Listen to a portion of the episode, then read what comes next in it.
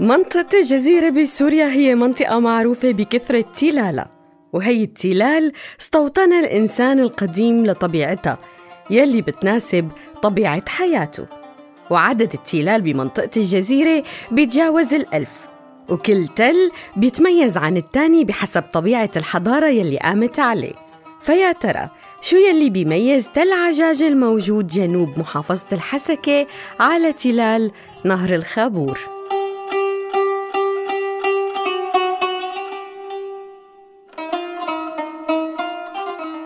هو واحد من التلال الخمسة يلي بتضم بقايا مدينة عربان يلي حكوا عنها كتير من الرحالة يلي مروا بالمنطقة عبر التاريخ.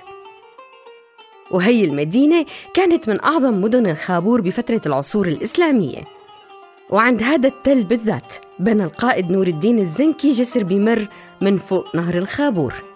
بعض العلماء بيتوقعوا أنه موقع تل عجاجة هو نفسه موقع شاديكاني الآشورية لأنه وقت تم التنقيب بالموقع سنة 1850 لقوا المنقبين بقايا قصر آشوري وعدد من التماثيل مثل الثور المجنح وكؤوس عليها نقوش وخمس منحوتات بتمثل ثلاث ثيران إلها رأس إنسان وتمثال لسبع وتمثال لجني مجنح. وهذا النوع من التماثيل بينحط عادة عند مداخل القصور وهذا يلي خلى العلماء يعتقدوا بدرجة كتير كبيرة إنه التل بيخفي جواته مدينة شاديكاني يلي ذكروها الملوك الآشوريين بسجلاتهم بالقرن التاسع قبل الميلاد.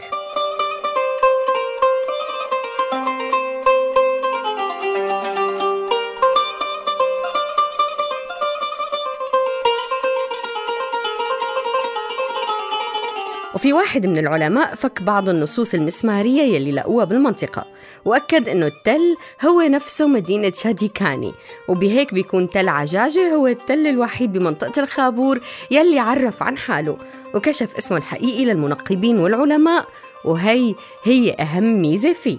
وكمان من القطع الأثرية الهامة يلي لقوها بالمنطقة دبوس من الحجر عليه كتابة مسمارية وقطع عاجية نافرة ومزخرفة بالخط الآشوري.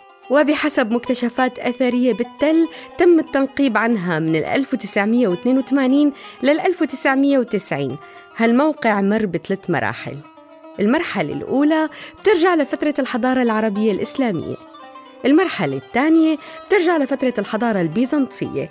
والمرحلة الثالثة بترجع لفترة الحضارة الأشورية الحديثة بالقرن التاسع قبل الميلاد. هي هي أهم المعلومات يلي لقيناها عن موقع عجاجة. إذا عندكم معلومات تانية ضيفوا لنا إياها. سلام. المنقوش معي.